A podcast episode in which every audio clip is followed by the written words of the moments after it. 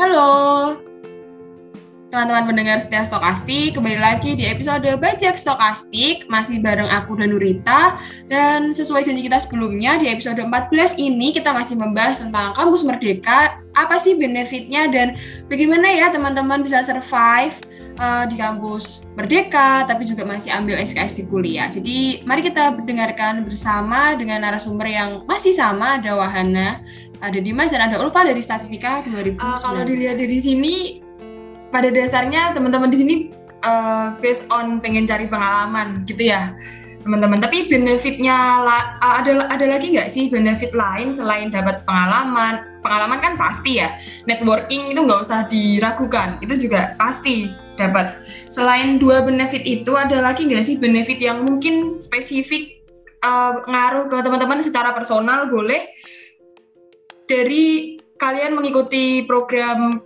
kampus merdeka ini? Itu mungkin siapa dulu mau jawab boleh silakan. Ulfah dulu mungkin boleh. Benefit yang ngomongin soal benefit ini banyak banget sejujurnya. Hmm. Uh, terlepas dari pengalaman yang luar biasa karena bertemu dengan orang-orang hebat seperti guru yang mengajar selama berpuluh-puluh tahun, kemudian bertemu dengan teman-teman dari kita kan satu tim ada enam orang ya di SD tempat aku mengajar itu. Jadi semuanya itu kebetulan berasal dari jurusan keguruan atau kependidikan. Hanya aku yang statistika. Jadi di situ juga aku banyak belajar. Oh, begini loh menghadapi anak yang seperti ini. Begini menghadapi siswa yang seperti ini. Kita jadi mengenal karakteristik atau potensi yang dimiliki oleh siswa. Kemudian selain itu ya ada benefit. Yang pertama konversi SKS tentunya. Nah, mungkin ini yang uh, menjadi hal yang menarik bagi teman-teman mahasiswa. Tapi konversi yang aku dapatkan ini kebetulan hanya 7 karena kita kan di semester 5 masih ada mata kuliah wajib ya yang harus ditempuh. Sebenarnya kalau dari Kemendikbud itu maksimum 20 SKS untuk kampus mengajar. Gak tahu kalau e, program teman-teman lain seperti di Mas sama Wahana ya. Tapi di kampus mengajar ini maksimum 20 SKS. Seperti teman-temanku yang dari jurusan kependidikan atau keguruan itu mereka mendapatkan 18 sampai 20 SKS karena ya kebetulan background mereka keguruan. Kemudian benefit yang kedua itu kita dapat sertifikat peserta program kampus mengajar tentu saja. Terus yang ketiga, nah ini menarik, kita mendapat bantuan UKT. Jadi e, bantuan UKT ini diberikan di semester selanjutnya. Kayak aku nih, misalnya kan sekarang aku semester 5 ya ikut program kampus mengajar. Nanti di semester 6 kita dapat bantuan berupa subsidi UKT sebesar 2,4 juta rupiah dan itu langsung dibayarkan ke perguruan tinggi terkait. Kemudian yang keempat, kita mendapatkan uang saku per bulan yang menurutku itu lumayan banyak ya. Uh, sekitar mau di spill nggak nih Meta? Boleh boleh Ulfa kalau nggak keberatan mah nggak masalah kalau sekiranya nggak mau di-spill juga nggak masalah nih Ulfa sebenar-benarnya ya. Oke, mungkin aku spill ya biar teman-teman nanti tertarik gitu ya. Uh, uang sakunya sekitar 1,2 juta per bulan dan itu kita terima selama kita ikut kampus mengajar ini. Kita mengabdi selama lima bulan. Jadi tinggal di total 1,2 kali 5, 6 juta totalnya. Jadi itu benefit yang kita dapatkan saat kita ikut program kampus mengajar. Ini benefit yang di luar dugaan sih, Pak jujur aja kalau dari aku ya. Kayak tapi kan ini sebanding dengan apa yang harus dilakukan ya Ulfah kayak harus di, siap ditempatkan di mana aja kayak tadi kan ya Ulfah ya. Iya betul. Jadi kita harus siap ditempatkan di mana aja. Tapi kebetulan, alhamdulillah ya aku dapat uh, ditempatkan di sekolah yang nggak jauh dari rumah sekitar 3 km jadi bisa ditempuh lah dengan naik sepeda. Ini, ini kayak dari rezeki nomplok gitu gak sih Ulfa ya ini di Iya, alhamdulillah ya kan? banget. UKT uh, eh, dapat bantuan, uang saku lancar, paling nggak lima bulan ke depan gitu kan ya Ulfa deket pula dari rumah. Iya, ini sangat banget sangat harus disyukuri ya Ulfa. Pun pun nggak deket dari rumah kan bukannya bakal ada pembiayaan gitu ya dari pemerintah ya Ulfa. Kalau misal ditempatin di luar pulau atau di beda provinsi kayak gitu, bagaimana tuh Ulfa? Uh, iya benar. Jadi kalau misalnya kita ditempatkan di luar provinsi ya kebetulannya kita dapat uang transport sama kalau misalnya kan sekarang butuh tes PCR atau tes apa itu ya itu juga diganti nanti sama pemerintah. Oke, berarti kita tinggal melaksanakan program dengan sebaik-baiknya supaya uh, feedback yang kita dapat sesuai dengan apa yang kita beri ke apa nih teman-teman SD dan SMP gitu ya, Ulfah ya. Iya, benar banget. Ini menarik sekali teman-teman. Bagaimana kalau di studi independen di benefit apa nih yang didapetin? Oke, okay. kalau dari aku sebenarnya tadi udah apa ya banyak yang di spill juga sama Ulfa ya dari pertama dari SKS juga kalau dari studi independen sendiri itu juga maksimalnya 20 SKS, tapi lagi-lagi kita kan semester 5. Jadi dari jurusan juga disarankan hanya 7 SKS gitu. Jadi kita nyambi kuliah, nyambi kampus pendidikannya juga gitu. Itu yang pertama. Terus yang kedua itu kalau dari aku sendiri itu pasti relasinya dari seluruh Indonesia gitu. Kalau dari Ulfa kan tadi kayak satu tim gitu ya, mungkin itu bisa juga dari daerah yang sama atau uh, mungkin nggak terlalu dekat-dekat juga mungkin ada gitu ya.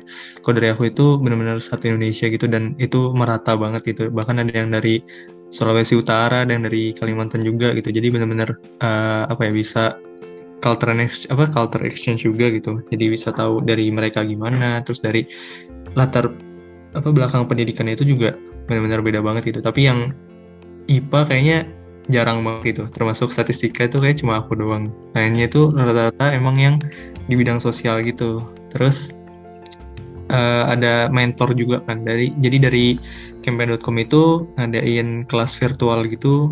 Uh, kayak hampir tiap dua minggu sekali ya. Ada juga yang seminggu dua kali gitu. Jadi tergantung mata kuliah yang kita ambil di program tersebut gitu. Jadi banyak banget sharing-sharing sama mentor yang udah terjun di uh, apa namanya di profesional gitu. Jadi menurutku apa ya lebih banyak hal-hal yang di luar akademik itu yang bisa didapetin. Terus yang ketiga itu ya tadi ada uang saku ya yang di sama Ulfa gitu. Tapi kalau misalkan di studi independen itu nggak dapat bantuan UKT jadi kita cuma cukup di uang saku aja gitu. Dan sebenarnya aku juga pertama nggak ngeh gitu. Kalau misalkan ternyata dapat uang saku yang aku tahu itu yang dapat uang saku cuma magang sama kampus mengajar gitu. Kalau studi independen kan soalnya cuma di rumah aja gitu ya. Jadi nggak harus ke kantor atau nggak usah harus ke suatu tempat itu nggak harus gitu. Jadi pikirku ya berarti nggak dapet gitu. Tapi ternyata alhamdulillah dapet juga gitu. Terus sama yang terakhir mungkin apa ya lebih karena ini di bidang sosial dan aku tertarik akan hal itu jadi aku bisa apa ya mana apa ya e, mungkin menggali potensiku juga di bidang tersebut dan yang pasti juga sama teman-teman yang satu frekuensi. Jadi lebih mudah sih buat discuss ataupun buat sebuah project nantinya ke depannya. Kalau dari aku itu sih benefit di studi independen ini. Oke. Buat uang saku nominalnya nominalnya berapa? Mungkin teman-teman nanti yang penasaran langsung aja kontak ke Dimas ya. Kayaknya Dimas tidak akan mereview di sini atau gimana Dim? Janganlah, jangan di spill. Jangan, di belakang layar aja. di belakang layar aja. Baiklah. Um, selanjutnya mungkin dari Wahana, kayaknya tadi udah di spill Dimas dikit ya, kalau di magang ada uang saku juga. Tapi bagaimana nih Wahana benefit yang uh, Wahana rasakan di program magang Merdeka? Oke, um, tadi kan selain pengalaman, selain uh, network juga ya, dan tadi bener sih uang saku kayak ya seneng banget lah maksudnya kayak uh, dapet gitu uang saku, bisa jajan, bisa beli-beli gitu. Terus um, kalau benefit yang lain sih yang paling aku uh, bersyukur itu dapat mentor ya. Mentornya maksudnya dalam artian ada dua sih kalau misalnya di tempatku magang sekarang. Yang pertama tuh buat internal. Maksudnya mentor internal tuh kayak apa sih? Ya mentor di divisi gitu. Jadi kayak misalnya di growth data analis kan ada manajernya. Nah beliau ini yang bakal nge aku selama enam bulan uh, program magang. Oh ya, jadi tadi aku belum sempat mention ya, aku sampai Februari gitu dari September itu enam bulan jadi beliau yang jadi uh, mentor aku. Jadi eh, hal-hal uh, yang terkait dengan kerjaan dengan project ya secara langsung aku harus report ke uh, beliau ini. Dan beliau yang ngajarin juga pengalamannya juga banyak banget dan banyak juga hal-hal yang aku bisa pelajarin dari orang uh, beliau ini. Terus yang mentor eksternal tuh ada lagi. Uh, jadi kayak si The Body Shop ini kan nge-hire kayak konsultan HR gitu uh, intinya kayak uh, trainer lah gitu, trainer uh, di self development gitu. Jadi kayak soft skill soft skill yang bisa aku kembangin selama enam bulan ke depan tuh ada juga mentornya kayak gitu. Jadi uh, dan beliau juga uh, orang yang uh, bukan orang-orangan gitu ya maksudnya kayak uh, dia pernah diundang juga di Raditya Dika gitu podcastnya dan aku juga udah seneng lah pokoknya dapat kesempatan buat mentoring bareng gitu terus selain mentor uh, mungkin kalau misalnya uh, selain uang saku juga ya tadi bener sih ada sertifikat juga jadi mungkin yang paling ditunggu-tunggu juga ya sertifikat nanti diakui juga uh, nilainya dari magang juga bakal ada nanti langsung masuk ke uh, hasil SKS yang udah kita KRS-in kemarin gitu. Jadi misalnya aku 7 SKS, kalau misalnya emang ganggu bagus dapat A, ya udah semua 7 SKS itu dapat A kayak gitu sih. Kalau uang saku uh, kayaknya nggak perlu di spill ya, Met ya? Bebas, bebas, terserah. Aku okay. main aman aja deh sama kayak Dimas uh, di belakang layar aja gitu kalau misalnya mau tanya pengen di record gitu aja ya. Oke, okay, lah. oh iya sama ini sih kayak bener ya tadi kata Ulfa PCR terus habis itu tiket pesawat gitu ya ditanggung sama pemerintah. Jadi LPDP gitu ya kita uh, sebenarnya LPDP ORD gitu sih, cuman nggak yang S2 S3 gitu, tapi yang uh, awal-awal dulu lah gitu, yang magang, yang studi independen, sama satu lagi yang kampus mengajar. Ini itu sih Matt yang bisa aku kasih. Benefit lainnya uh, PC aja gitu ya. Oke, okay.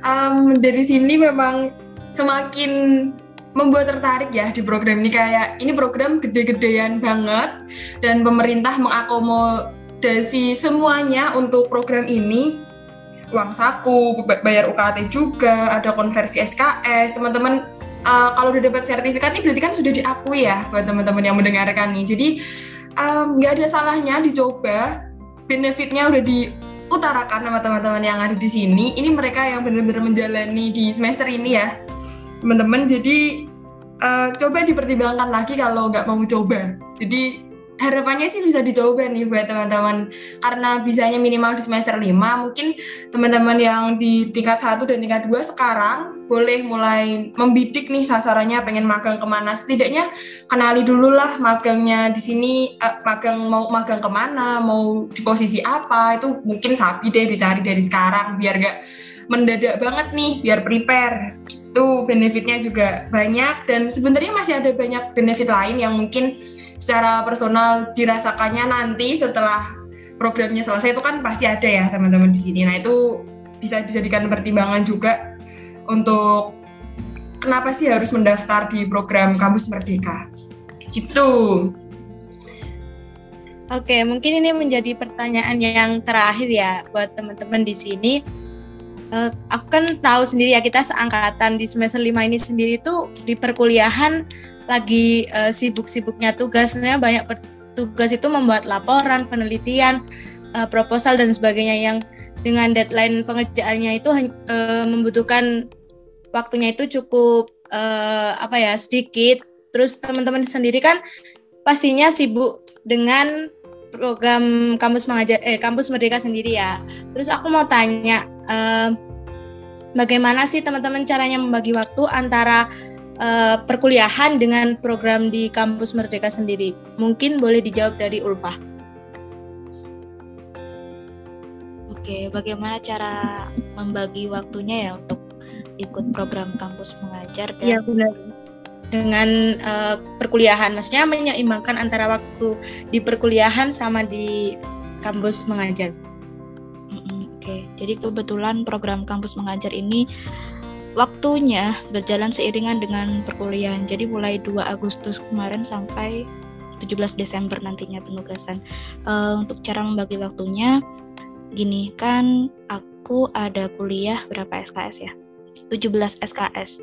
Dan itu setiap hari tapi uh, satu harinya itu hanya satu matkul jadi uh, uh, dan aku diminta sama kepala sekolahnya untuk datang setiap hari ke sekolah jadi ada kalau misalnya ada kuliah pagi itu aku kuliahnya di sekolah gitu nah untuk uh, apa ya supaya meminimalisir ketinggalan itu aku biasanya sambil ikut zoom sambil record jadi bisa aku dengarkan lagi di rumah gitu Kemudian kalau misalnya nih aku ada full hari Kamis, jadi dari pagi sampai sore itu aku full.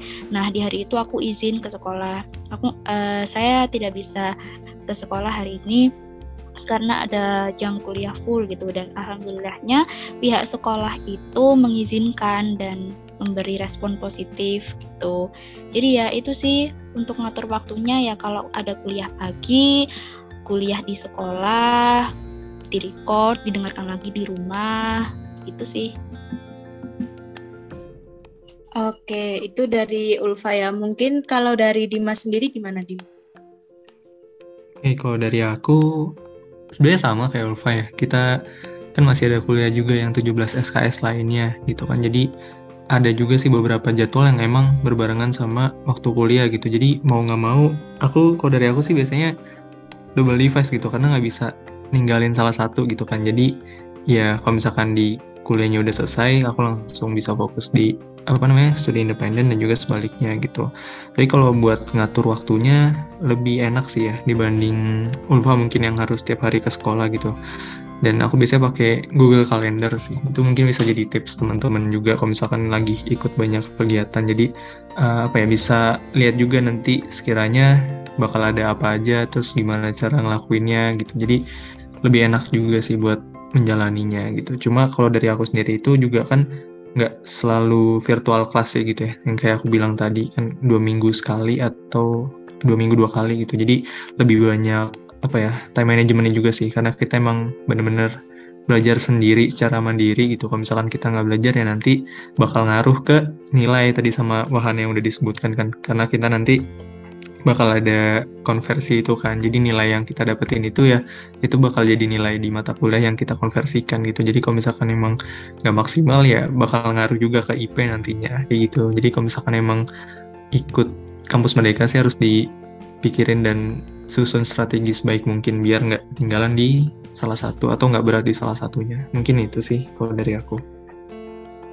Oke, uh, mungkin dari Wahana gimana Wah? Um, kalau dari magang sendiri sih, uh, ini alhamdulillah juga ya, maksudnya kayak bersyukur banget kalau misalnya di tempatku yang sekarang itu jadwalnya fleksibel yang pertama.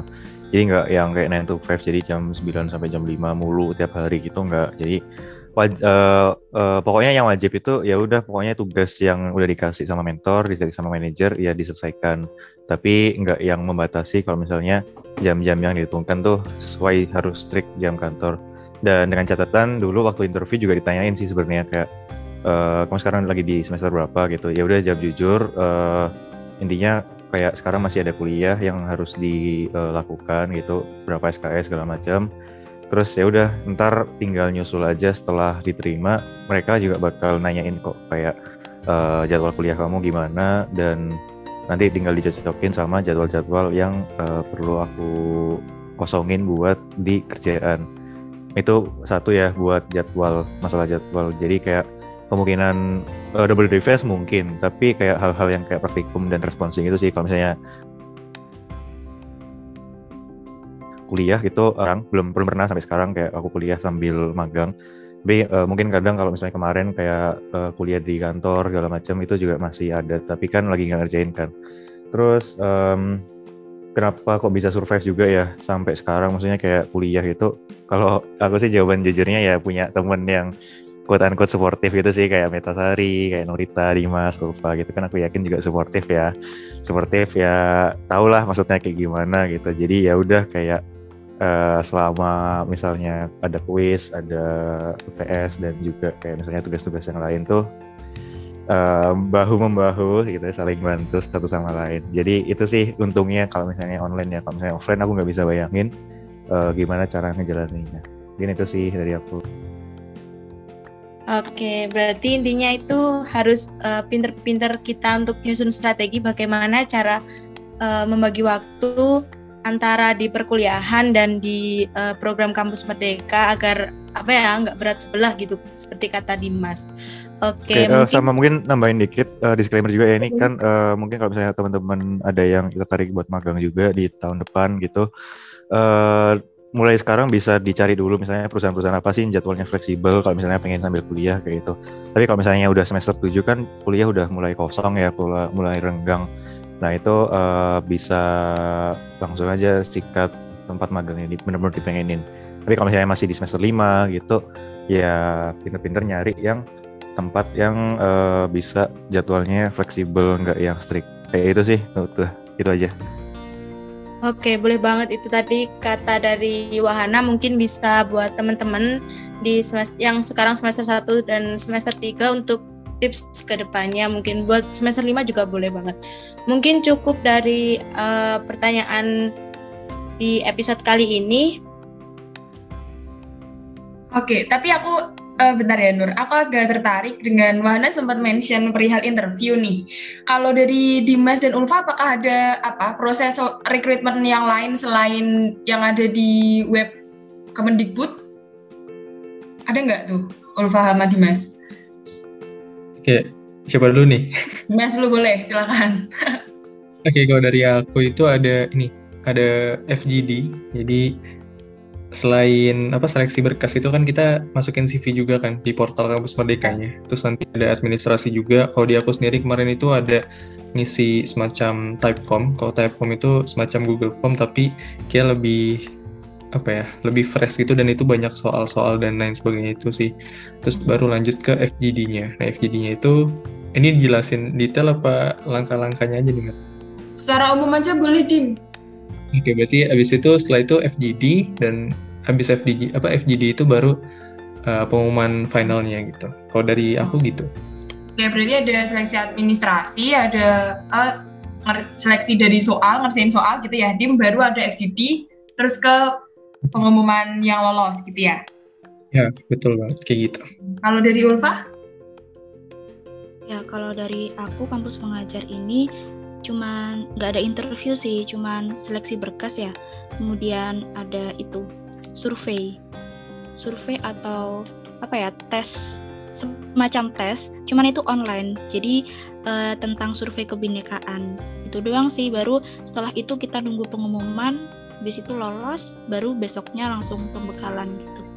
Oh, ini uh, tahapannya agak lebih sedikit daripada yang studi independen berarti ya Ulfa ya seleksi berkas terus yeah. ada terkait kebinekaan itu yang ngerjain soal habis itu udah tinggal tunggu pengumuman dan jalan programnya gitu ya berarti iya. Ulfa yeah. ya oke okay, tapi kalau dari Wahana ada yang ditambahin nggak Wahana mungkin uh, proses rekrutmen tadi selain seleksi berkas dan interview mungkin ada lagi Oke, okay, um, kalau di Body Shop um, kemarin habis seleksi berkas di eh ya seleksi berkas di portal webnya itu ntar kalau misalnya lolos dapat email.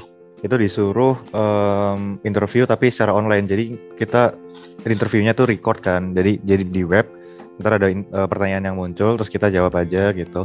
Dan setelah itu ada juga uh, setelah udah disubmit terus habis itu ada pengumuman lagi itu langsung ke HR atau user interview. Jadi langsung sama manajernya sama orang HR-nya terus interview segala macam langsung uh, kalau misalnya lolos ya udah dapat gitu nah tapi ada beberapa perusahaan lain yang beda-beda. Kayak misalnya aku kemarin juga apply di Danone dan di situ uh, ada tesnya juga. Mungkin mirip kayak studi independen tapi mereka punya portalnya sendiri webnya sendiri.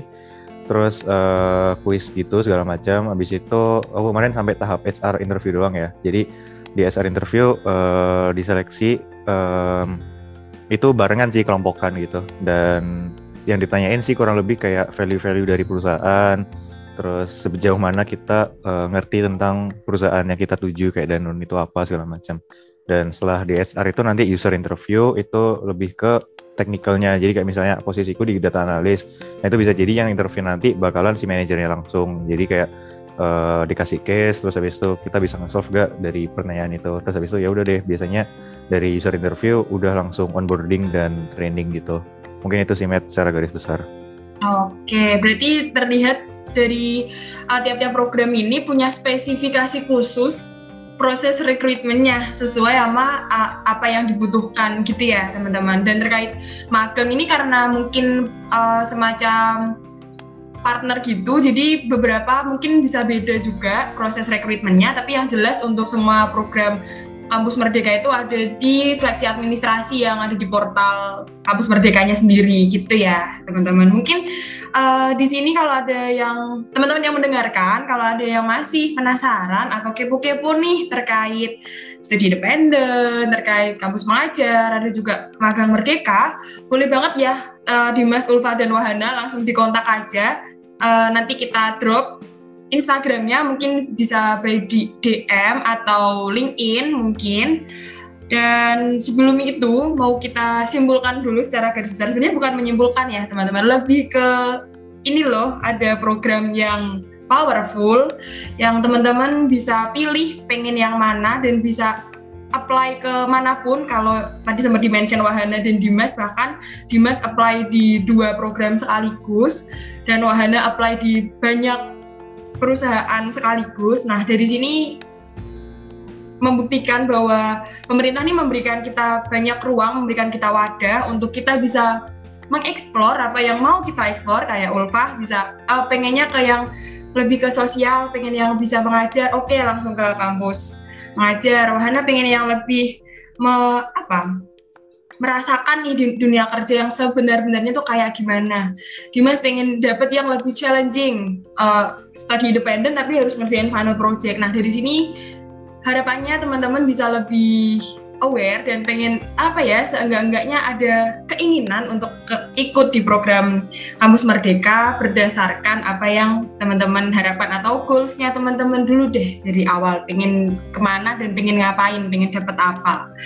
Gitu kali ya dapat disimpulkan. Sebenarnya masih banyak yang bisa kita tanyakan tapi karena ini keterbatasan waktu juga dan mungkin ada pertanyaan yang bisa banyak belum bisa kita cover ya Nur ya uh, balik lagi ntar bisa ditanyain langsung sama teman-teman yang ada di sini ada Ulfa ada Dimas ada Wahana gitu jadi karena sudah di akhir banget nih mau terima kasih buat Ulfa Dimas dan Wahana udah nemenin aku dan Nurita ya Nur di sini ngobrol Terima banyak. kasih juga.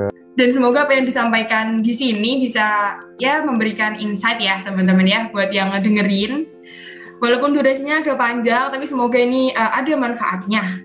Anyway, selamat dan semangat buat teman-teman yang di sini, Ulfa, Wahana, dan Dimas, karena semester 5 kita sama-sama tahu bagaimana strugglingnya. Dan kalian orang-orang hebat yang masih survive sampai sekarang. Dan harapannya sampai semuanya selesai biar setidaknya dari teman-teman start 19 atau start 20 atau 21 kalau pengen tanya-tanya tuh bisa ke kalian yang sudah ada pengalaman sebelumnya. Nah, sekali lagi terima kasih Dimas, Ulfa, dan Wahana. Semangat kuliah dan programnya. Thank you juga Meta. Terima kasih teman-teman. Thank you, thank you. Terima kasih buat teman-teman yang selalu setia mendengarkan episode-episode Stokastik dan jangan lupa stay tune di uh, IGTV, Anchor dan Spotify-nya Studio Statistika untuk episode-episode selanjutnya. See you. See you teman-teman. Terima kasih.